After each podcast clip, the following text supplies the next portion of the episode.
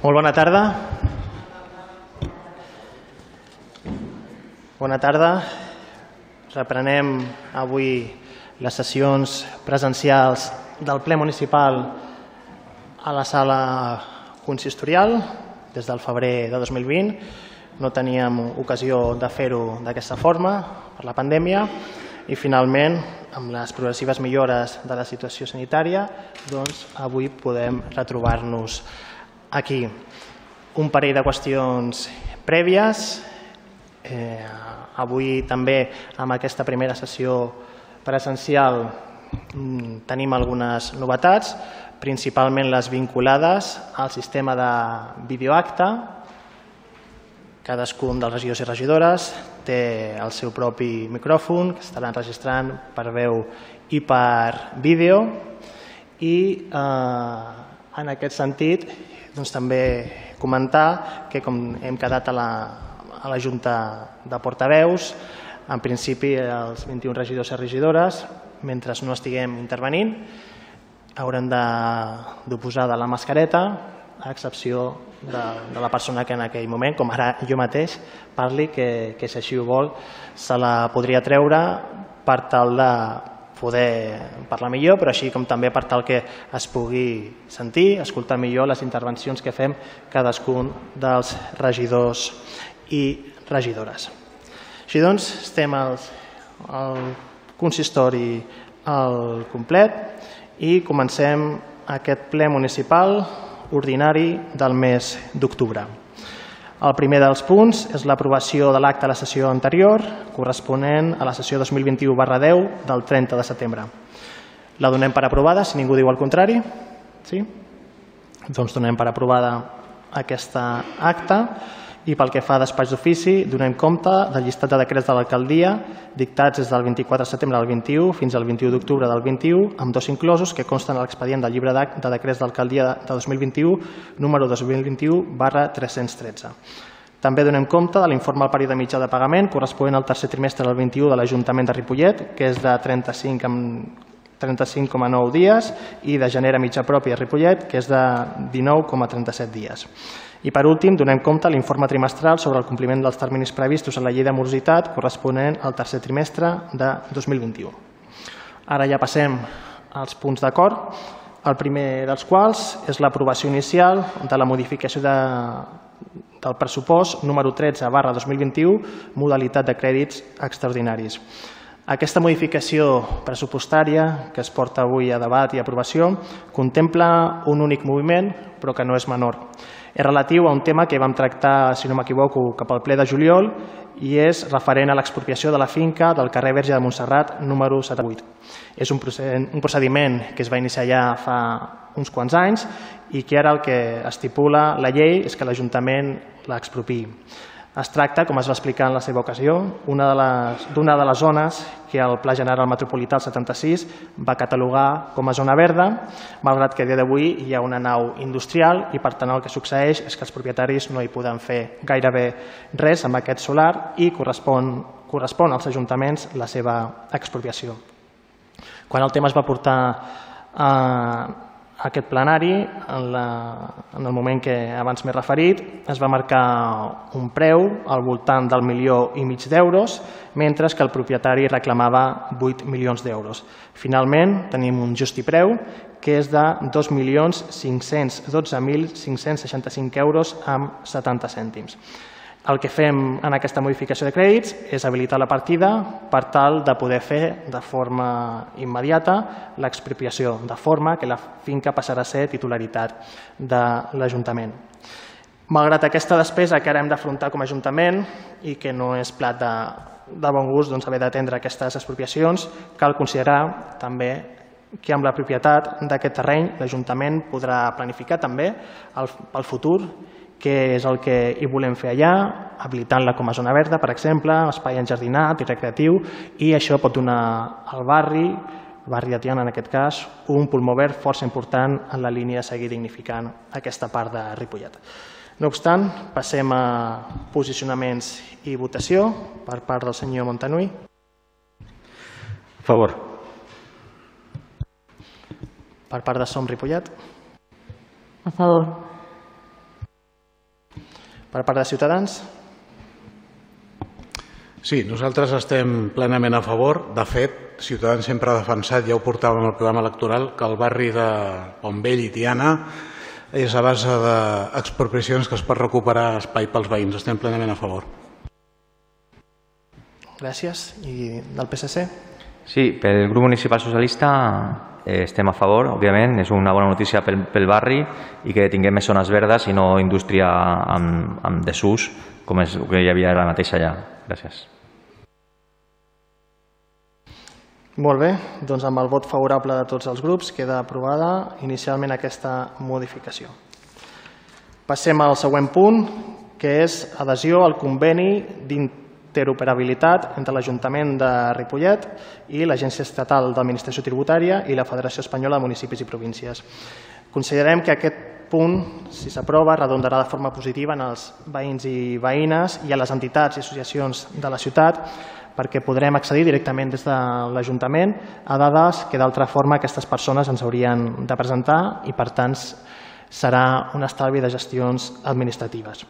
El que es proposa és aprovar pel ple municipal l'adhesió de l'Ajuntament al conveni interadministratiu en matèria d'intercanvi d'informació tributària i col·laboració en la gestió recaptatòria amb les entitats locals abans assenyalades, amb l'objecte d'establir la regulació d'un sistema d'intercanvi d'informació tributària que permeti a les entitats locals adherides, així com a l'Agència Estatal d'Administració Tributària, disposar de forma àgil de la informació que necessitin en l'exercici de les seves competències.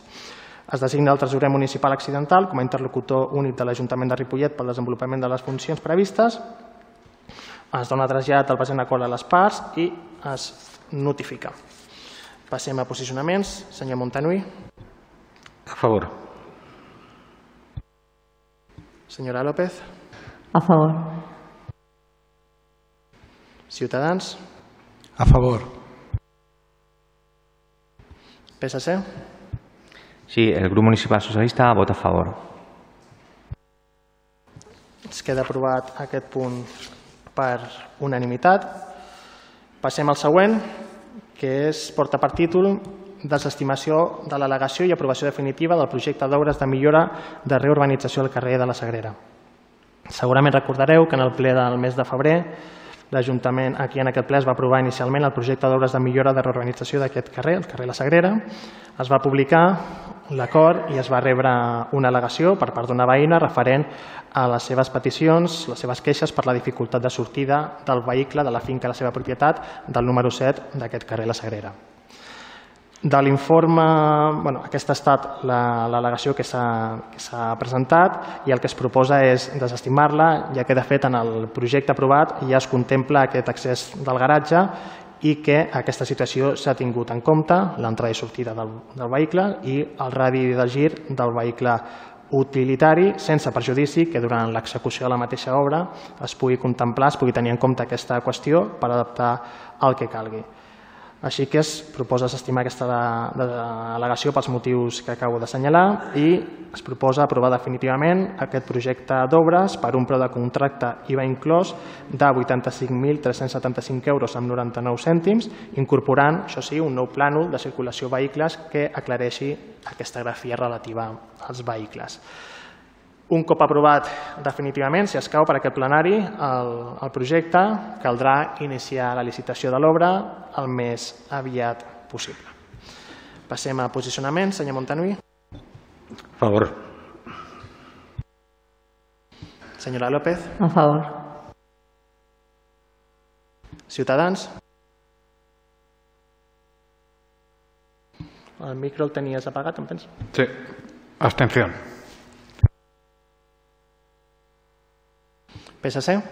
Hola, bona tarda a tots i totes. El grup socialista del PSC votarà a favor. Molt bé, dos amb l'abstenció de Ciutadans i el vot favorable de la resta, queda aprovat aquest punt. Passem al següent, que és la sol·licitud a la Generalitat de Catalunya de la cessió de la titularitat a favor de l'Ajuntament de Ripollet de dos trams de la Nacional 150. Aquest punt el que té per objectiu, com es diu en el títol, la cessió d'aquesta titularitat dels trams de la Nacional 150, carretera de Barcelona, que corresponguin a l'Ajuntament de Ripollet. Són els únics trams d'aquesta nacional que encara conservava la Generalitat conjuntament amb els de Cerdanyola. I precisament aquesta sol·licitud també ja ha estat aprovada per l'Ajuntament de Cerdanyola del Vallès. Com també és públic assenyalar que des de l'àrea metropolitana de Barcelona, amb els ajuntaments, s'està elaborant de forma oberta i participada un projecte de reforma, millora i pacificació d'aquesta nacional al seu pas pels nostres municipis. I per tal de poder fer-la possible, entre d'altres, el que requereix és aquest canvi de titularitat. Ara el que fem en tot cas és la sol·licitud. Així que els punts d'acord versen sobre aquesta sol·licitud a la Direcció General d'Infraestructures de Mobilitat del Departament de la Vicepresidència de Polítiques Digitals i Territori, per mutació de, de subjectiva aquesta titularitat, es condiciona l'acceptació per part de l'Ajuntament de la sessió sol·licitada a la realització d'unes obres de reparació i manteniment per part de la Generalitat, que són qüestions relatives a reparacions puntuals al FER i repavimentació d'algunes zones malmeses i, per últim, es notifiquen aquests acords. Posicionament, senyor Montanui. A favor. Senyora López. Sí, votarem a favor. Ciutadans. Sí, buenas tardes de nuevo. Eh, uno de los eh, objetivos de esta propuesta que hoy se lanza al Pleno es eh, la pacificación de esos tramos de la Nacional 150. Por parte de Ciudadanos, en la Comisión de Territoriales, hemos preguntado qué plan alternativo tiene el Gobierno de cara a articular una alternativa para el tráfico que soporta la Nacional 150. Desde el Gobierno se nos ha dicho que no existe ninguna propuesta y, por lo tanto, a nosotros nos despierta dudas este, este proyecto que hoy se pone encima de la mesa. Por ese motivo, nuestro voto será la abstención. PSC. Hola, bona tarda de nou. El nostre vot serà favorable. Gràcies. Jo per mm, contestar breument al regidor de Ciutadans Tàpia, aquests treballs s'estan fent per part de l'àrea metropolitana. Per tant, aquestes consideracions vinculades al trànsit de vehicles queden incorporades també a tots els estudis que s'estan fent des de la mateixa AMB conjuntament amb els ajuntaments. Per tant, el que li convido també és que pugui participar a les diverses sessions que ja s'han realitzat, tant a Cerdanyola com a Montcà i Reixac. De fet, els propers dies em penso que se celebrarà a Barberà del Vallès i posteriorment també se celebraran aquí algunes d'aquestes sessions a Ripollet, aleshores el que li convido és a poder participar per acabar d'informar-se de la situació de tot plegat i a poder aportar aquests, aquests neguits que, que vostè té. Molt bé, en tot cas, amb l'abstenció de Ciutadans, si no hi ha cap més qüestió, amb l'abstenció de Ciutadans i el vot favorable de la resta, queda aprovada aquesta sol·licitud. Ara ja passem a les mocions. La primera d'elles és una moció en contra de les agressions als col·lectius LGTBI, a proposta d'unitat contra el feixisme i el racisme, així com de Proud LGTBI Ripollet, que està finalment presentada conjuntament per tots els grups municipals del consistori, així com pel regidor no adscrit. I tal com també s'ha quedat a la Junta de Portaveus, el senyor Fran Sánchez procedirà a presentar-la. Endavant.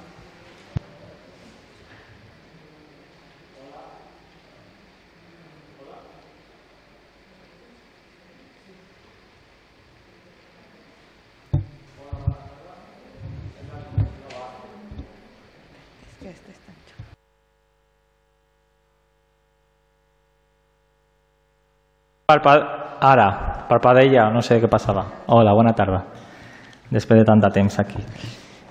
Bueno, jo procediria a llegir aquesta moció, que tal com deia l'alcalde, és una moció que ha presentat la Unitat contra el Feixisme i el Racisme a Cerdanyola Ripollet i l'entitat eh, Prou Ripollet LGTBI.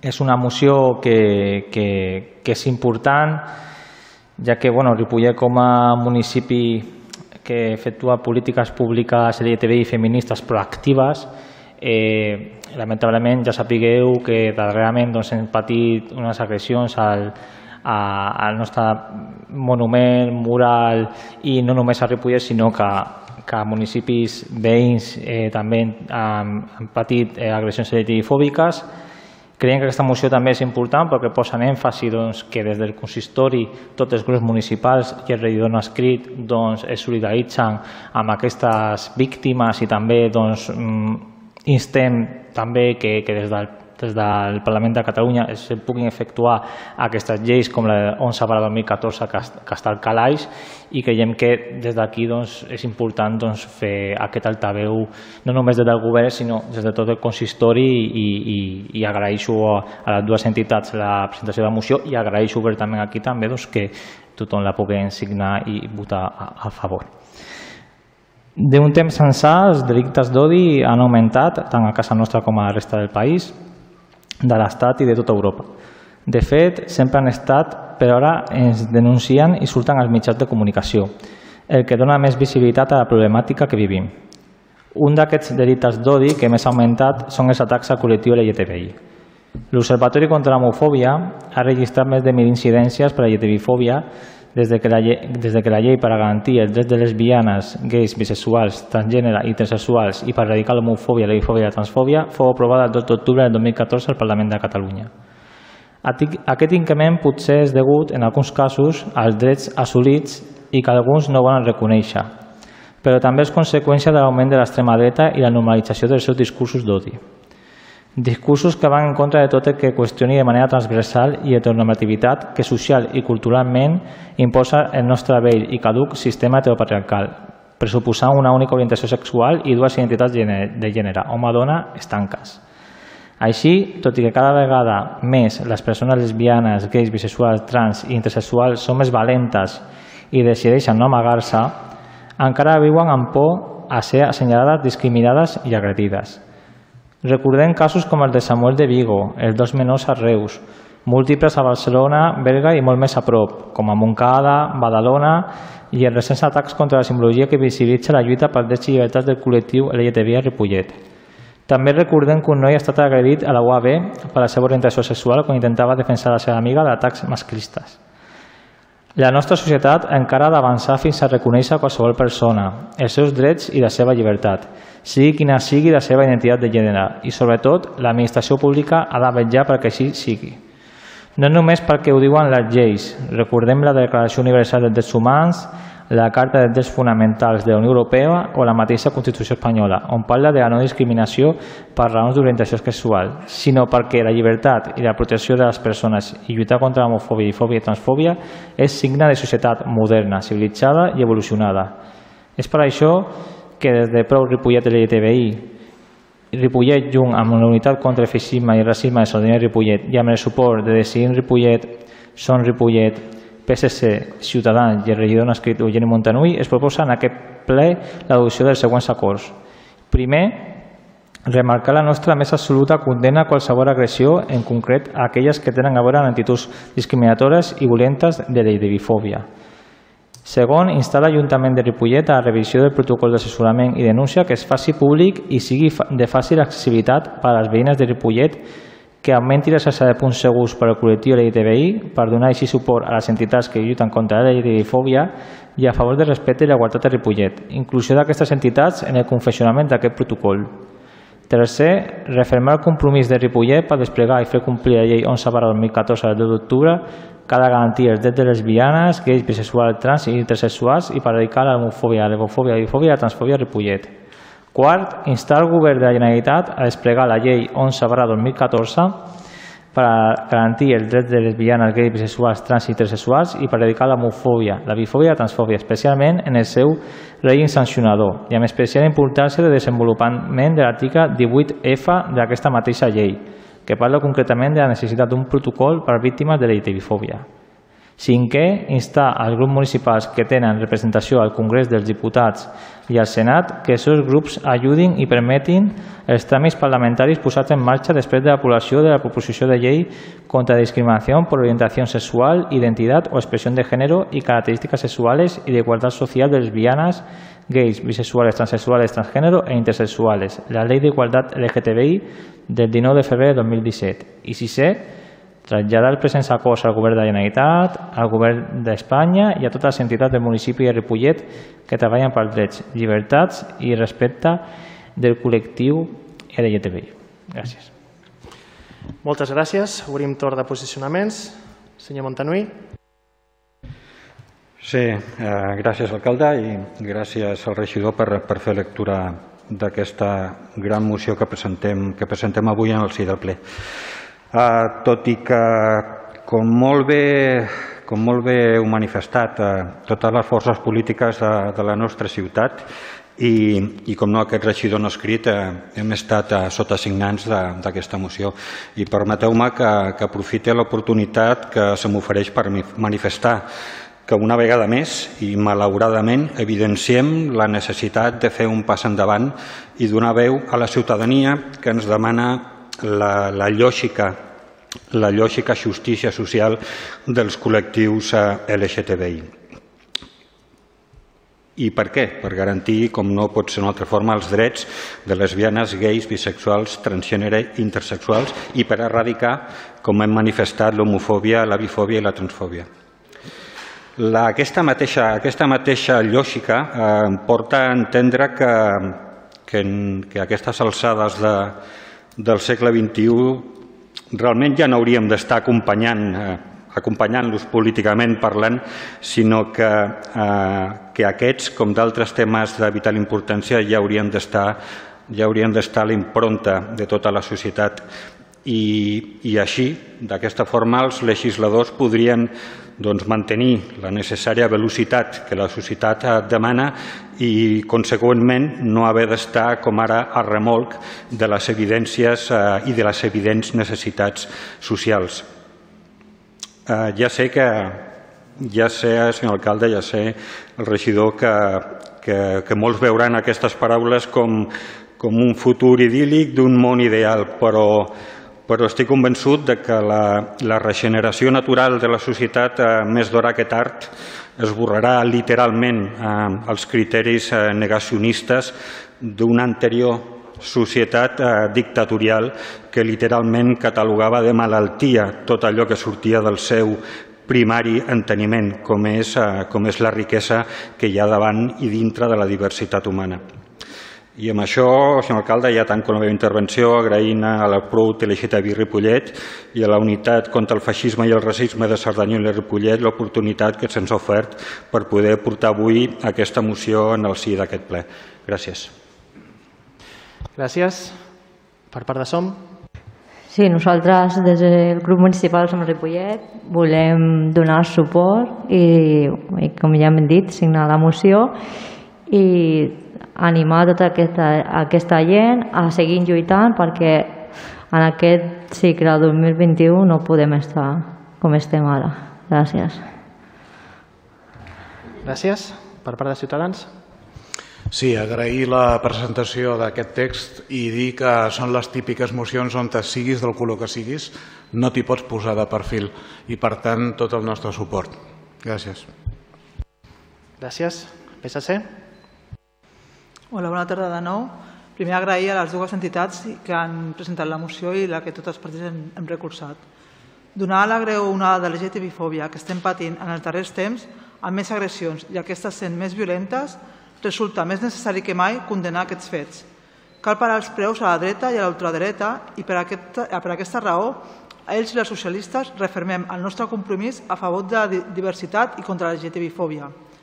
Després d'una llarga reivindicació històrica del col·lectiu LGTBI per al reconeixement dels seus drets i al respecte a la seva orientació i identitat sexual, s'ha aconseguit millorar la conscienciació i acceptació socials a un gran nombre de països desenvolupats.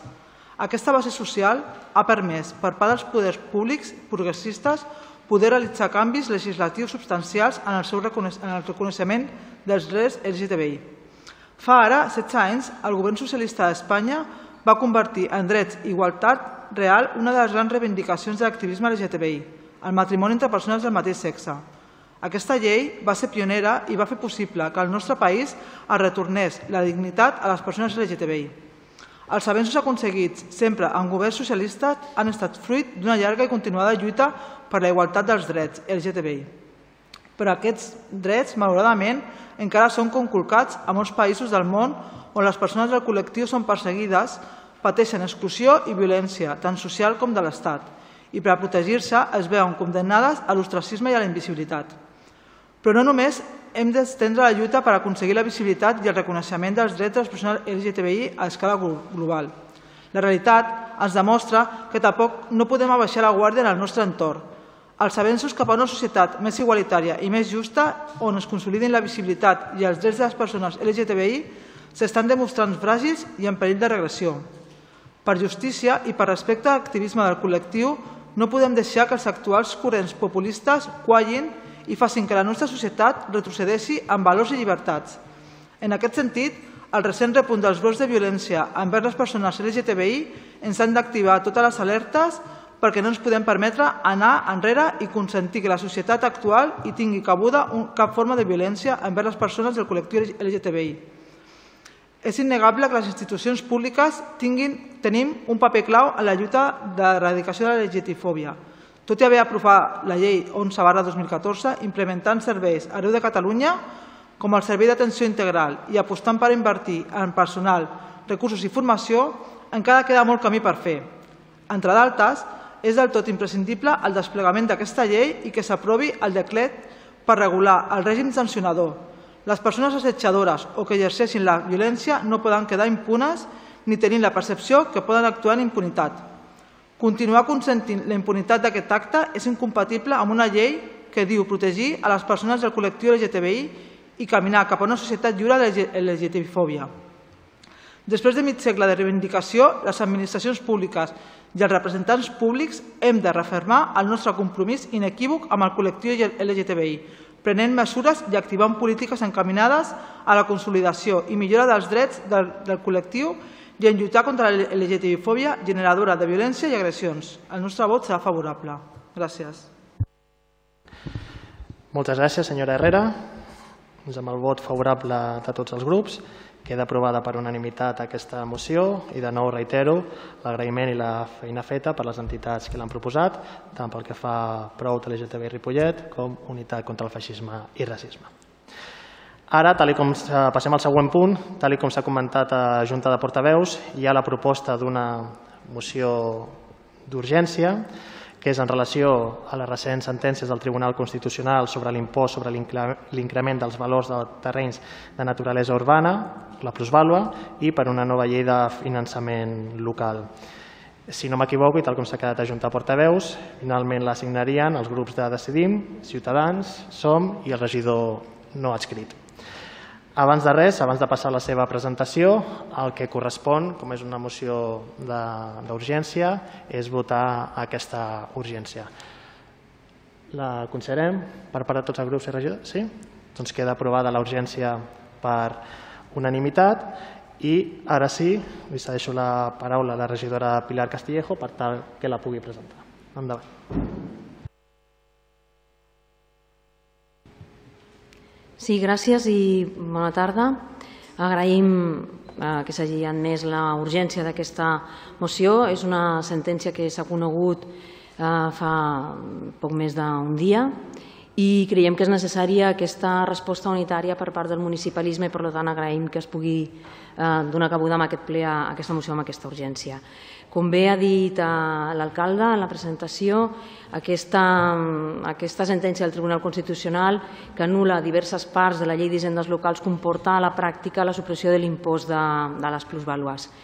I aquesta situació en la que ens trobem en aquest moment ha de quedar clar que no és una responsabilitat dels ajuntaments que ara estiguem en aquesta situació, Eh, el govern de l'Estat és qui hauria d'haver abordat la reforma legislativa que ja instava una sentència anterior també del Tribunal Constitucional de l'any 17, com per exemple ha fet la Diputació Foral de Guipúscoa, que va adequar el mètode de càlcul de l'impuls en un parell de mesos. Doncs, per aquesta falta d'acció doncs, ens trobem que aquesta plusvàlua, que és un impost que gestionen directament els ajuntaments i que forma part del nostre model de finançament local, doncs es vegi clarament afectada. No? Com deia, eh, a la pràctica eh, queda suspesa. A Ripollet, en concret, que la, la suspensió d'aquest impost eh, representa la pèrdua d'un 3,5% dels ingressos d'aquest Ajuntament. Estem parlant d'aproximadament un milió i mig d'euros. Eh, per això mateix, cancel·lar aquest impost suposa un nou atac a les competències municipals, un fet que dona continuïtat amb aquesta ofensiva recentralitzadora de l'estat espanyol que ja treu liquiditat i capacitat recaptatòria als municipis, fent que cada vegada depenguem més dels diners que reben directament d'altres cents superiors en lloc de tenir aquesta capacitat recaptatòria. Els ajuntaments tenim un cert marge d'autonomia per gestionar aquest impost, eh, segons les casuístiques locals. A Ripollet, diverses modificacions hem intentat donar-la una visió, un caire social. Eh, jo recordo dues modificacions que hem fet entre aquest mandat i l'anterior amb l'exempció de les transmissions realitzades amb ocasió de la dació del pagament i també la bonificació del 40% per causa de mort a favor de descendents de primer grau, amb cònjuges i, com deia, descendents i quan hi havia un mínim de convivència però jo crec que també la, la part més important de, dels diners que recaptaven de la, com a Ajuntament amb aquest impost no era amb aquestes transmissions a través de, de, de cada un de, dels veïns i veïnes, sinó sobretot la part que recapta amb aquest impost l'assumien els grans propietaris. I, per tant, a qui més beneficia aquesta mesura del Tribunal Constitucional és aquests grans tenidors, els fons voltors els especuladors, que s'enriqueixen acumulant grans quantitats de propietats i realitzant després múltiples operacions de compravendes amb aquests, amb aquests habitatges eh, o propietats. Tal com estava concebut aquest import, en cancel·lant-ho, el que es fa és donar facilitats a qui veu en els habitatges com un, element per invertir, per guanyar diners, i allunya cada vegada més eh, que aquest habitatge esdevingui un dret bàsic per a que, a que tothom hauria de tenir accés garantit. Um, amb aquest cúmul de raons eh, és per això que presentàvem aquesta moció, no? per donar aquesta resposta unànim des del municipalisme perquè creiem que és important eh, donar, donar una solució a aquesta situació. Llavors, eh, des del grup de Ciutadans, el regidor no ha escrit i som, i el grup de Ara Decidim fem aquesta proposta. Llegeixo els punts d'acord. El primer seria promoure, juntament amb les entitats municipalistes, una nova llei de finançament dels ens locals amb l'objectiu que esdevinguin uns governs amb capacitat de transformació i que puguin desenvolupar amb qualitat les seves competències i serveis. El segon, instar el govern de l'Estat, mentre no s'aproven aquestes lleis de finançament local, que presenti amb urgència un projecte de llei de modificació de, de les lleis que ha de modificar per tal que se situï el marc jurídic d'aquest impost en els termes establerts a les esmentades sentències del Tribunal Constitucional per tal de donar plena seguretat jurídica a la liquidació de l'impost i garantir el finançament dels municipis. El tercer punt seria instar el govern de l'Estat a incloure a la llei de pressupostos generals de l'Estat per al 2022 un fons específic de compensació de les pèrdues ocasionades als ajuntaments. El quart punt seria també instar el Govern de la Generalitat a elaborar i presentar al Parlament de Catalunya una llei de finançament local en compliment de l'Estatut de Catalunya que ho encomana de forma clara. I per últim, comunicar aquests acords a la Federació de Municipis, a l'Associació Catalana de Municipis, a la Generalitat i al Govern de l'Estat. Moltes gràcies. Obrim tot, bueno, seguim amb els posicionaments per part del regidor no escrit, senyor Montanui. A favor favor. Per part de Som? A favor. Per part de Ciutadans? Sí, hi ha una dita catalana que diu que on no n'hi ha, no en raja. Evidentment, eh, si ens escanyen d'aquesta manera, els afectats primer serem els ciutadans, la gent del poble, perquè els ajuntaments no podran donar els serveis que estan donant. Per tant, completament a favor. Gràcies. PSC? El nostre vot serà favorable. Molt bé, doncs amb el vot favorable a tots els grups queda aprovada aquesta moció. No hi ha més mocions a l'ordre del dia, així doncs passem al darrer punt, que com és habitual és el de pregs i preguntes. Senyor Montanui. Sí, gràcies, alcalde.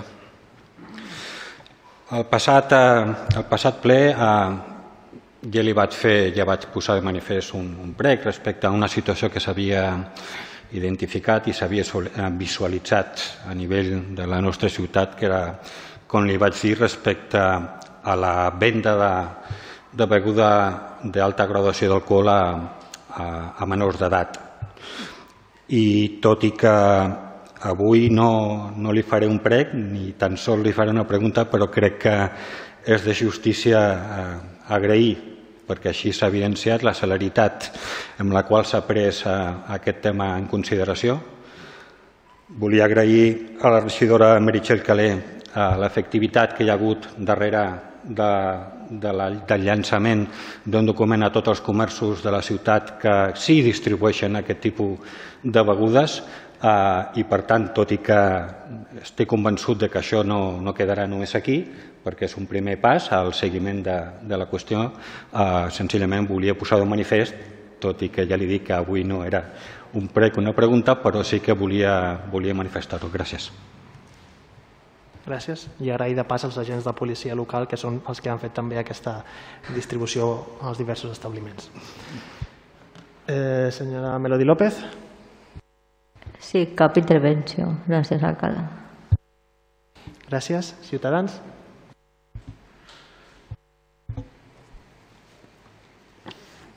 Sí, hola, buenas tardes de nuevo.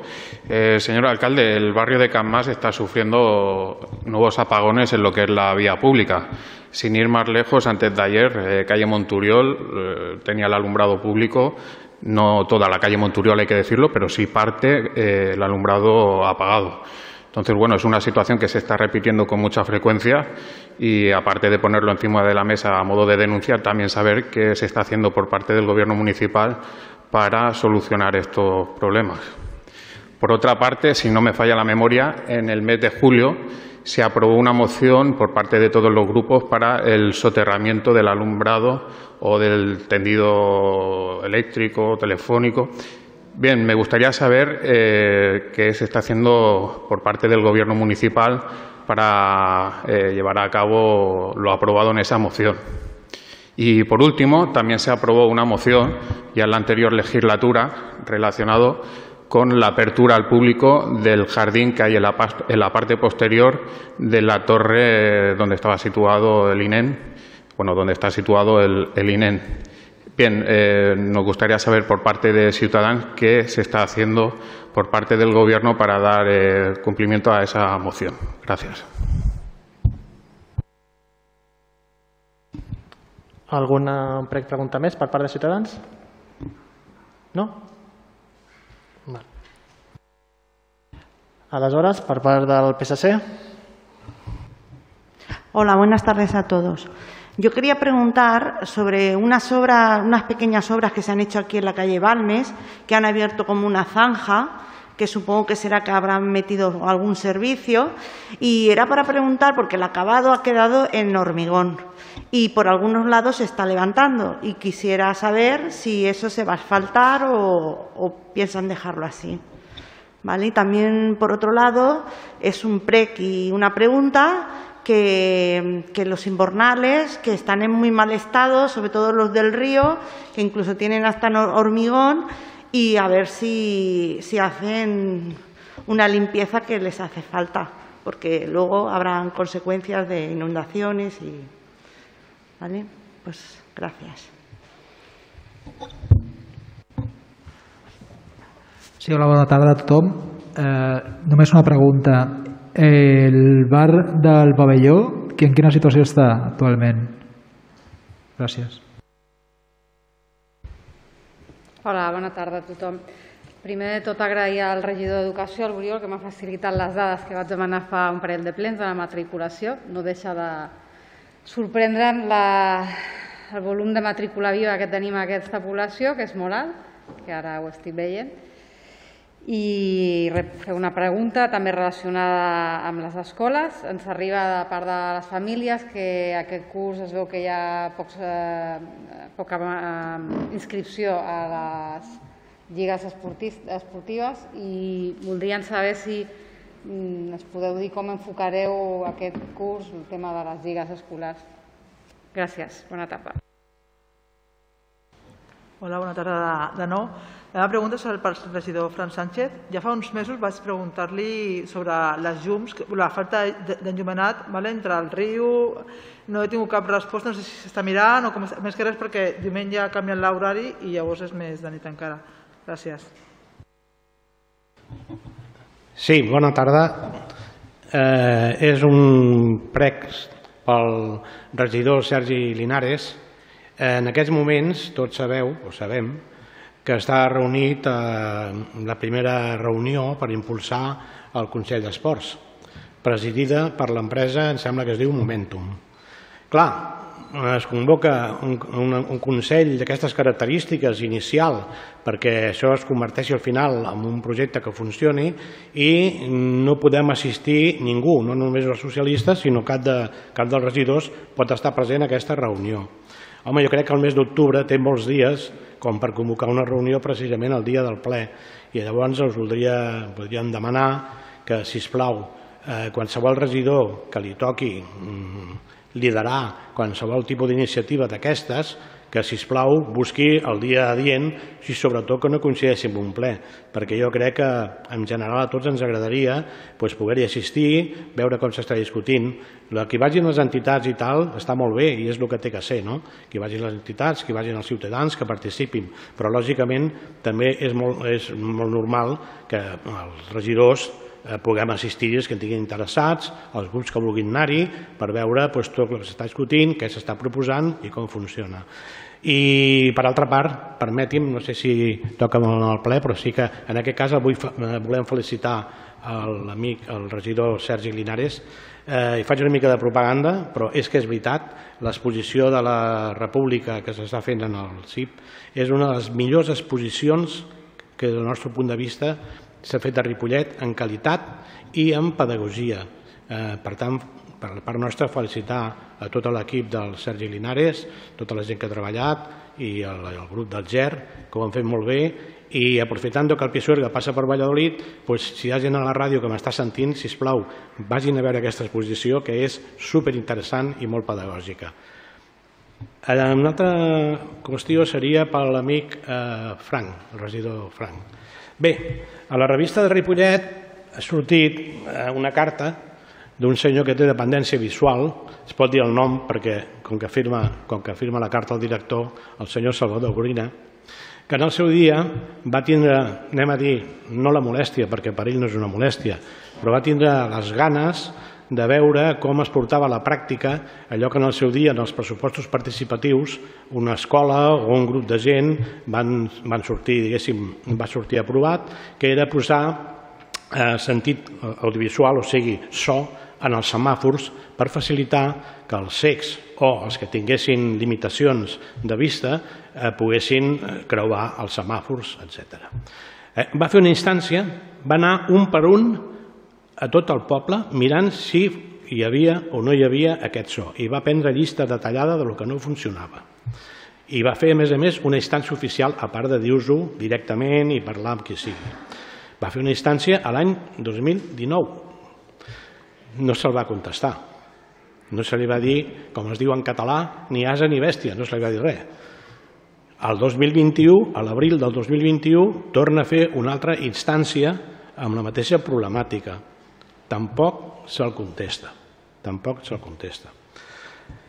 Bé, eh, tenim que dir que precisament un dels valors que medeixen o que mesuren una societat democràtica desenvolupada, i vostè, senyor Frank, és un exemple d'això, i ho ha fet molt bé dintre d'uns àmbits que ha sigut molt reconegut, sap que és la cura de la gent, si volen, de grups minoritaris, en aquest cas estem parlant de dependència visual, perquè puguin tindre eh, la mateixa mobilitat, les mateixes circumstàncies que la resta de ciutadans. També li haig de dir que la ONCE ja fa uns quants anys, possiblement no dos, els ja ha dissenyat, han estat reunits amb vostè, per iniciativa del senyor Salvador Orina també, eh? perquè facin un camí possible pels invidents que vagi fins al barri del Pont Vell. Ja saben que hi ha una tècnica que és marcar les aceres perquè puguin anar, anar, anar caminant i amb això ja haig de dir així francament que la ONCE ja no vol ni vindre a reunir-se amb vostès. No per res, no és que no vulgui vindre, és que ha vingut dos, tres vegades, veuen que no es porta a la pràctica i no és que no vulguin vindre, segur que si vostè les crida venen una altra vegada, però que estan una mica cansats de fer reunions que després no tenen els projectes concrets que es van aportar endavant, que poden ser més llargs o més curts, però no tenen cap concreció. En definitiva, mm, senyor Frank, m'agradaria diverses coses. Primer, que posessin en marxa aquest tema, que ja hi havia un compromís amb els pressupostos participatius del SO, li diré més, perquè vegi que estem bastant informats.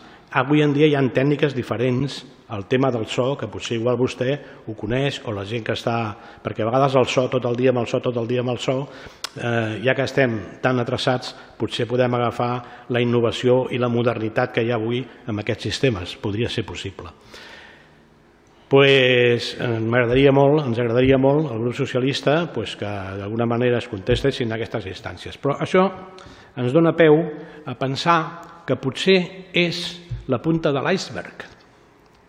Què passa amb les instàncies dels ciutadans i ciutadanes de Ripollet que no tenen resposta en temps i forma? En tenim moltes? En tenim poques? Igual només és un cas aïllat? No ho sabem i ens preocupa. Ens preocupa perquè vostès saben molt bé també, la cura, la cura i la comunicació amb la ciutadania, amb ciutadans i ciutadanes, és fonamental per un ajuntament democràtic. És fonamental. I ens agradaria, en aquest cas, saber de les diferents regidories, però en concret en aquest cas de la seva, quantes instàncies hi han sense contestar en temps i forma. Aquesta seria una qüestió que li agradaríem que ens contestés. Una altra qüestió que surt d'aquest tema és que si tenen un protocol per contestar a les instàncies dels ciutadans i ciutadanes, és a dir, si hi ha un document, un protocol que prioritza en funció de la gravetat, de la no gravetat, eh, amb temps, 15 dies, un mes, 3 mesos, quan es contesta perquè sigui un compromís per part de tots els regidors, els que toquin, i els que estiguin en el govern, de que tenen que contestar en temps i forma als ciutadans i ciutadanes. Aquestes són les coses que bàsicament, senyor Frank, sincerament li volia plantejar perquè em va sorprès una miqueta que sent vostè com és i, i a més el poc que ens han conegut així ho reconeixo, una persona tan compromesa en tots els temes de les minories. No? Gràcies.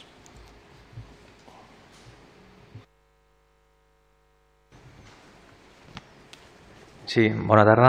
Per fi puc treure la mascareta. Eh, només dues preguntes. Una és sobre la Cintermetal. Si tenim alguna novetat, eh, ja fa molts mesos que no preguntem sobre aquest gran espai. Si ens agradaria conèixer quines han sigut les darreres gestions que s'han fet amb el Ministeri o amb la Direcció General d'Indústria, si ens ho podrien explicar per saber si han avançat, si han fructificat o com està ara mateix la situació, perquè ja fa un any pràcticament que, que es va tancar i sí que voldríem conèixer la situació.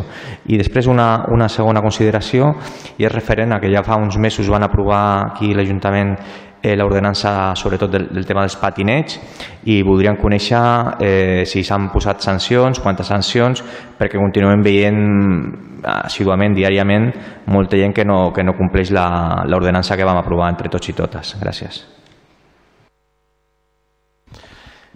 Gràcies, regidors i regidores, pels seus pregs i preguntes.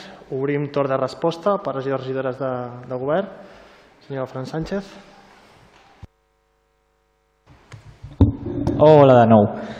Primer volia respondre, bueno, és una pregunta del, del passat mes, però volia respondre al senyor Francisco Javier Tapia, per, va fer una pregunta de, com, de reposició i compra de badenes. Li he de dir que ara ens ha arribat divendres passat que recordem s'ha arribat dos palets i la setmana vinent ja té la brigada coordinar les feines per començar a substituir eh, bandes que estan trencats i, o, i, i també de, de nous però que ens han arribat ara la setmana passada, o sigui que ja la setmana vinent començarem des de la brigada municipal a fer aquestes feines. Després també eh, el tema que comentava la Eva de la lluminària, crec que tu vaig dir el dia després de que m'ho comuniquessis em vaig reunir amb el tècnic, vam estar mirant el mapa, vaig intentar, de fet, fins i tot vam posar la teva intervenció del ple per acabar al YouTube, per acabar de veure, veure quina era la situació i efectivament vam veure en el mapa que en aquell punt doncs no, no hi havia lluminària tota arreu del món. Llavors sí que és cert que s'estava estudiant quin tipus de lluminària estaven posant allà i estaven demanant pressupostos i estaven mirant i demà li pregunto a veure com és el tema i, i li dic de seguida. Després també per part del PSC han fet una, han fet una pregunta sobre inbornals eh, repassarem aquests invernals. Repassarem juntament perquè la neteja s'encarrega Urbacer, sí que, sí que hi ha vegades que potser si el Bornal no surt perquè està molt soldat, és una feina conjunta Brigada Urbacer, però farem repàs no només d'aquest Simbornal, sinó, bueno, de fet ara mateix aquí al Parc de Ripoll just estava mirant uns invernals amb, amb el propietari aquí del bar que m'havia comentat que s'estaven netejant uns aquí i bueno, farem una miqueta una repassada general que estigui tot en ordre, que ja es va fent habitualment, però recalcarem aquests que vostè comenta. En quant al senyor Ramon Martos, bueno, jo li he de dir així en general que fins i tot les instàncies que van entrant moltes vegades ni les respon per escrit, sinó directament agafo el meu telèfon i, i, i truco a la persona perquè depèn quin tipus de problemàtica sigui, o jo mateix o la meva tècnica ens posem en contacte en seguida.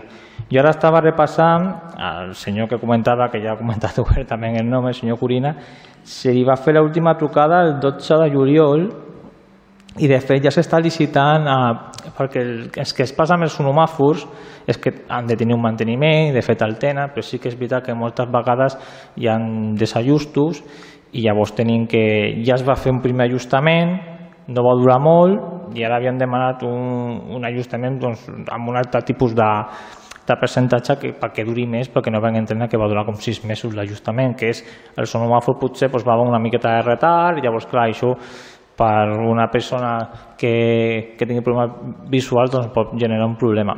Amb el senyor Gorina, de fet, jo tinc també una interlocució directa, per això m'ha sorprès. Sí que és el que vaig veure a l'escrit de la revista, però em va estranyar molt perquè amb ell jo no l'he respost per escrit, però sí que hem parlat via telefònica. Això és el que m'ha sorprès. Llavors, bueno, demà el, el, el trucaré de nou per veure, bueno, com diu vostè, que m'ha sorprès, perquè hem tingut interlocució directa, no escrita, però sí telefònica. Per això li dic. I sobretot estic veient que l'última vegada que li vam fer una trucada va ser el 12 de juliol per part de la meva tècnica, ho estava repassant, i bueno, demà parlaré a veure què, el què. Però la revisió sonomafòrica que feia, o sigui, ja s'està fent habitualment i de fet l'última revisió l'han de fer aviat perquè ja van demanar un pressupost de nou perquè ens la fessin. També eh, vull remarcar algunes coses de les que ha dit. No? Nosaltres hi ha persones que, que, que, que, que, bueno, que és, com el senyor Gorina o qualsevol altra persona, no? que si ens fan un escrit o els truquem directament o fins i tot et veus a les persones pel carrer o l'altre dia amb un problema d'urenet es vas trucar immediatament. Vull dir, nosaltres fem aquesta interlocució normalment directa i si, i si hi ha alguna alguna notificació que potser no s'ha respost en temps i forma, no ha sigut perquè nosaltres no haguéssim volgut, no? sinó realment amb el discurs que ha fet vostè sembla ser que no responem a ningú i no és així. No?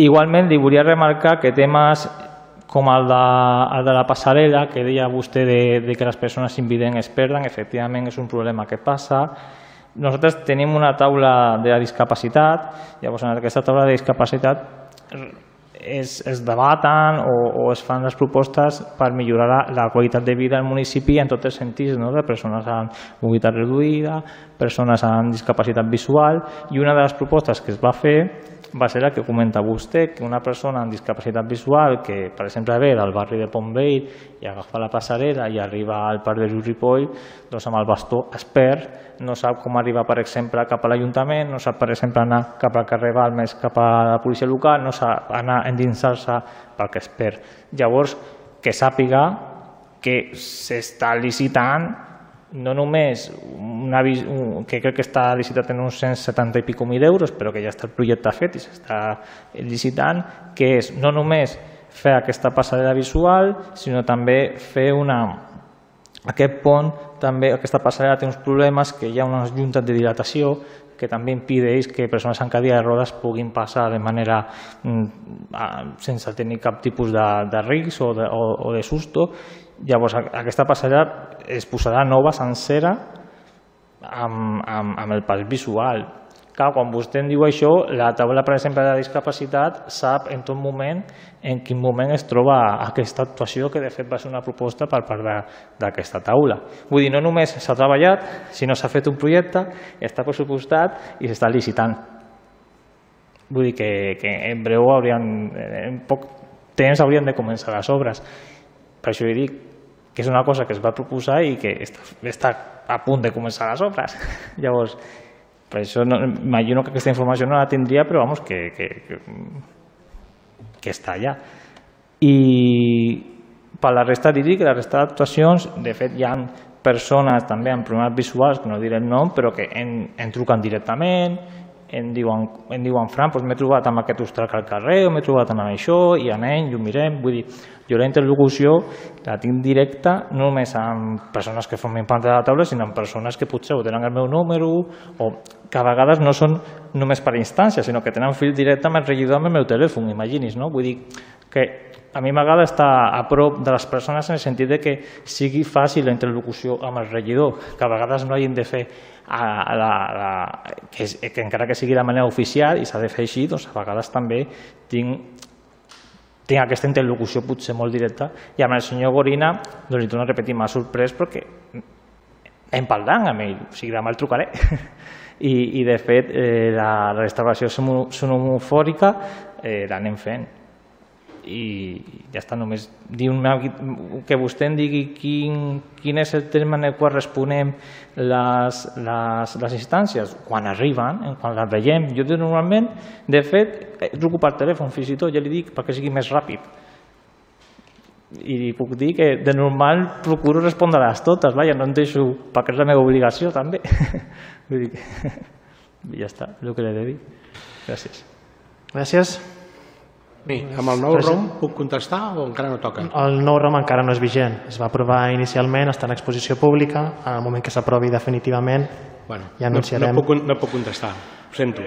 Després finalitza el ple i podeu, ara que estem presencialment, podeu aclarir el que correspongui. Més regidors, regidores, regidors, regidors que vulguin contestar una cosa? Senyor Linares, endavant.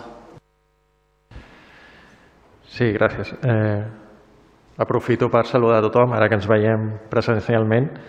Eh, en primer lloc, eh, el senyor Ramon Martos, regidor, agrair la, la felicitació, la traslladaré al personal del, del CIP, em consta que tu també l'has fet a, arribar a aquest personal, ho saben, ho agraeixen, ho transmeto, i també al grup d'estudis ripolletens que efectivament han realitzat un, una gran feina. Eh, sobre el tema del de PREC, que és un PREC sobre la sessió participativa que s'està realitzant en aquests moments, eh, en primer lloc, dir que aquí ha estat per complir els terminis eh, per tal de poder portar el, eh, aprovar el, el reglament d'aquests consells en el termini que hem fixat, que es va fixar en la moció aprovada al darrer, al darrer ple, que és màxim al mes de, de desembre, el, les sessions participatives s'havien de fer aquest mes. I només trobàvem possible la darrera setmana d'octubre i la intenció era fer-les dilluns i dimecres perquè no coincidís amb el ple, però la sala d'actes estava, estava ocupada. Això ha obligat a fer-la a fer avui. Eh, li puc dir que tam, tampoc ha estat plat de bon gust per a mi, eh, tam, tampoc he pogut eh, assistir i dir que, que comprenc que, però que ha estat un imponderable per això, per la, per la disponibilitat de la sala i que pel personal de l'Ajuntament. I per mi tampoc és una situació que ens hagi agradat el fet que hagi coincidit amb el, amb el ple i ho entenc el comentari perfectament. Gràcies. Gràcies. Més regidors, regidores. Senyora Andrea Guijarro. Bona tarda a totes. Uh, contestaré la pregunta sobre, sobre l'esport extraescolar. La veritat és que des de juny, juliol ja començàvem a preparar aquesta nova temporada i la preparàvem ja amb una mica de neguit perquè eh, portava l'esport extraescolar parat per, per la pandèmia bastant temps. A més, ens trobàvem que era una mica injust, no? que també eh, durant aquesta pandèmia l'esport federat doncs, es, podia haver, es podia practicar i l'esport extraescolar doncs, va quedar batat no? durant uns mesos. Eh, per tant, ja, ja veiem que seria una mica dur. Ara ja tenim dades dades d'inscripcions, s'estan fent les, les fitxes i la veritat és que han baixat molt, molt les dades, sobretot en l'esport individual. Um, per exemple, el cas de, del patinatge, doncs parlaven que, que d'un volum d'unes 60 patinadores i ara estem doncs no arribem a les 30 no, de, de l'esport individual eh, preveient com seria de dura no, aquesta temporada de l'esport extraescolar, vam comptar amb plans d'ocupació. Ara tenim quatre persones que s'estan encarregant eh, des de l'octubre de fomentar i de potenciar eh, amb les SAMPAs eh, doncs, aquestes inscripcions i la veritat és que vull agrair aquesta feina perquè hi havia un parell d'escoles que, que no veiem viable fer aquest any esport extraescolar i gràcies no, a, a aquesta insistència d'aquests monitors dinamitzadors, doncs la veritat és que hem aconseguit que aquestes escoles doncs, al final eh, sumin a l'esport extraescolar. A nivell col·lectiu es té previst que, que puguin començar el, el 8 no, el 6 de novembre, el cap de setmana del 6 de novembre i a nivell individual el, el dia 8 de novembre. Aquesta és la previsió, però sempre que s'hagin fet les fitxes. De, de vegades hi ha escoles doncs, que han començat més tard perquè si no tenen l'assegurança doncs, doncs no, poden, no poden començar i veient que tenim manca d'equips, no? que, que hi ha participants esportistes en escoles que, que no acaba de sortir un grup, estem acabant de, de regrupar i ens hem vist també diguéssim com una mica l'obligació per tal de que es pugui fer aquesta lliga d'entrar a la lliga comarcal com ja es venia fent amb el bàsquet eh, d'anys enrere, doncs ara ens trobem treballant a, a, a aquesta entrada eh, amb les lligues de futbol. No sé ben bé si, si era aquesta la pregunta. Vale. I respecte al bar del pavelló Joan Creus, ara mateix estem redactant el que és el plec de condicions. Eh, canvia bastant perquè ara com ja tenim a Genera que ens fa tot el tema de consergeria, és aquesta part del servei doncs, ja no l'ha d'assumir eh, la persona que, que s'encarregui del bar, que jo penso que és una cosa ben profitosa perquè moltes vegades aquestes persones que estan a, amb el bar doncs, no acaben de donar aquesta resposta més directa que acaben de necessitar les entitats en quan necessito claus, necessito... Um, I per tant creiem que serà més favorable. La nostra intenció és que el primer trimestre de 2022 doncs, ja pugui estar licitat i que pugui estar ja en servei. Merci.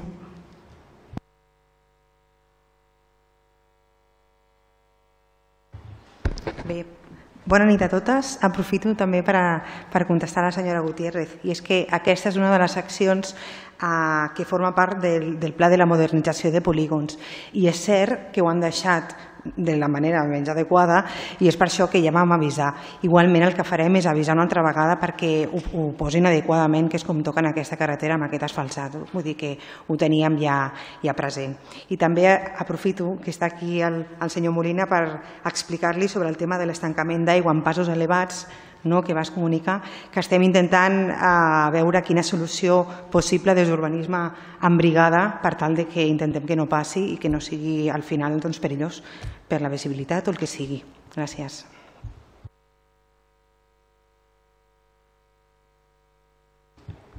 Val. Jo volia respondre amb el senyor Tàpia pel tema de les incidències en l'enllumenat públic. Um, en aquest sentit, um, N'hem anat la llista de les incidències dels últims dos mesos, si vostè vol li puc fer arribar avui mateix.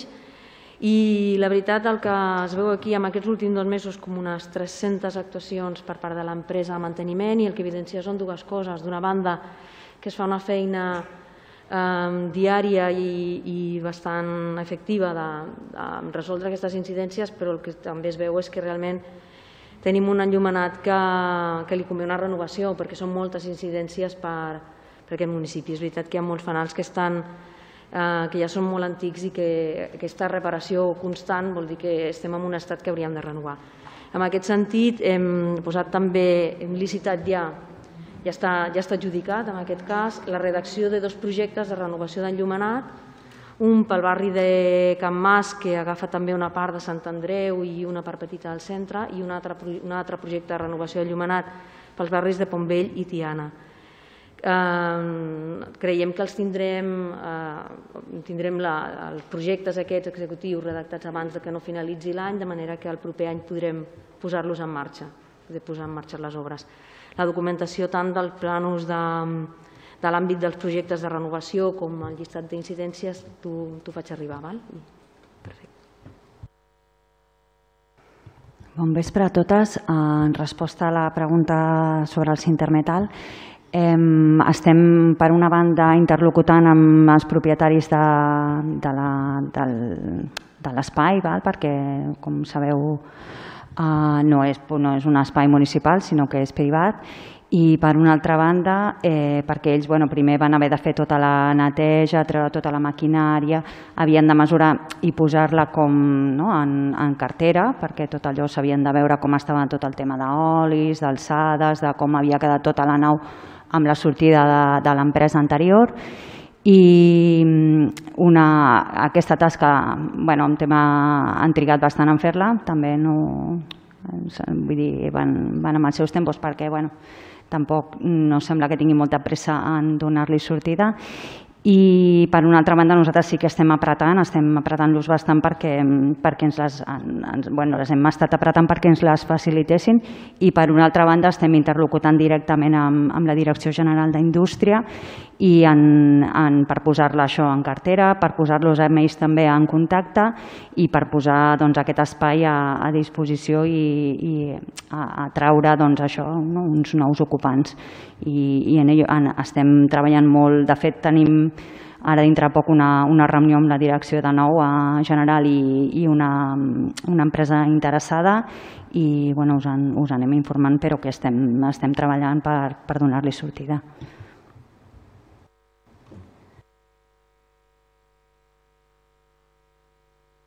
Molt bé, si no hi ha cap, si no hi ha cap qüestió més, per part meva alguna qüestió. També el senyor Tapia ha comentat eh, relatiu a la moció que es va aprovar el juliol pel soterrament de les línies. En aquest sentit, el que s'ha fet eh, s'ha contactat, es van enviar diverses comunicacions i escrits a les empreses afectades i vam rebre, la veritat és que per la majoria d'elles, una resposta molt ràpida i que deien que cap problema, però que disposats a col·laborar, però clar, sempre i quan que pagués o bé el propietari de l'immoble o bé l'Ajuntament. I en això és on ens tornem a quedar, que de fet és el mateix que va succeir a l'anterior ocasió o habitualment quan parlem d'aquesta qüestió. Eh, pel que fa l'altra moció que, que, que ha fet esment, no? i de fet ja de l'anterior mandat, pel que fa a l'aprofitament o obertura com a ús públic o social del jardí de, de la torre de, de l'Argentera, l'espai que ocupa actualment el, el SOC.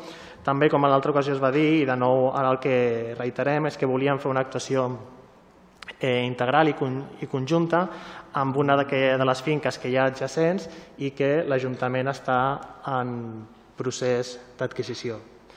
Eh, tenim l'acord amb el privat, tenim la capacitat pressupostària per poder-ho fer i esperem que d'aquí a finals d'any es pugui fer efectiva aquesta adquisició de les finques que hi ha eh, adjacents de forma que puguem planificar i encarar un projecte d'obertura no només d'aquest espai del Jardí de Torre Argentera sinó d'una part més àmplia. Eh, breument, perquè el, el senyor Martos, el senyor Francesc Sánchez ja li ha contestat, però en tot cas vinculat al tema dels protocols de resposta a les instàncies, dir-li que realment no es, no es requereix un protocol perquè és una qüestió que ja legalment està recollit a la llei 39 barra 2015, a la llei de procediment administratiu comú de les administracions públiques, allà es regula eh, com té lloc aquestes comunicacions entre els veïns i veïnes i, i l'Ajuntament i quin és el termini i la forma en la qual s'han de contestar. I per últim, pel que fa a l'ordenança de, de, de vehicles de mobilitat personal, concretament la qüestió dels patinets eh, elèctrics, us farem arribar la informació corresponent més quantitativament sobre totes les actuacions que s'ha fet, però de nou, eh, també com en altres ocasions hem comentat, i de nou eh, a través dels companys de policia local, com bé sabeu es va fer una campanya molt intensa pel que fa a conscienciació i a divulgació d'aquesta nova normativa, repartint uns tríptics que es van eh, elaborar i també s'han imposat sancions sempre que així s'ha hagut de fer. Però no obstant, us passarem les, les dades concretes que des de policia local molt amablement ens passaran.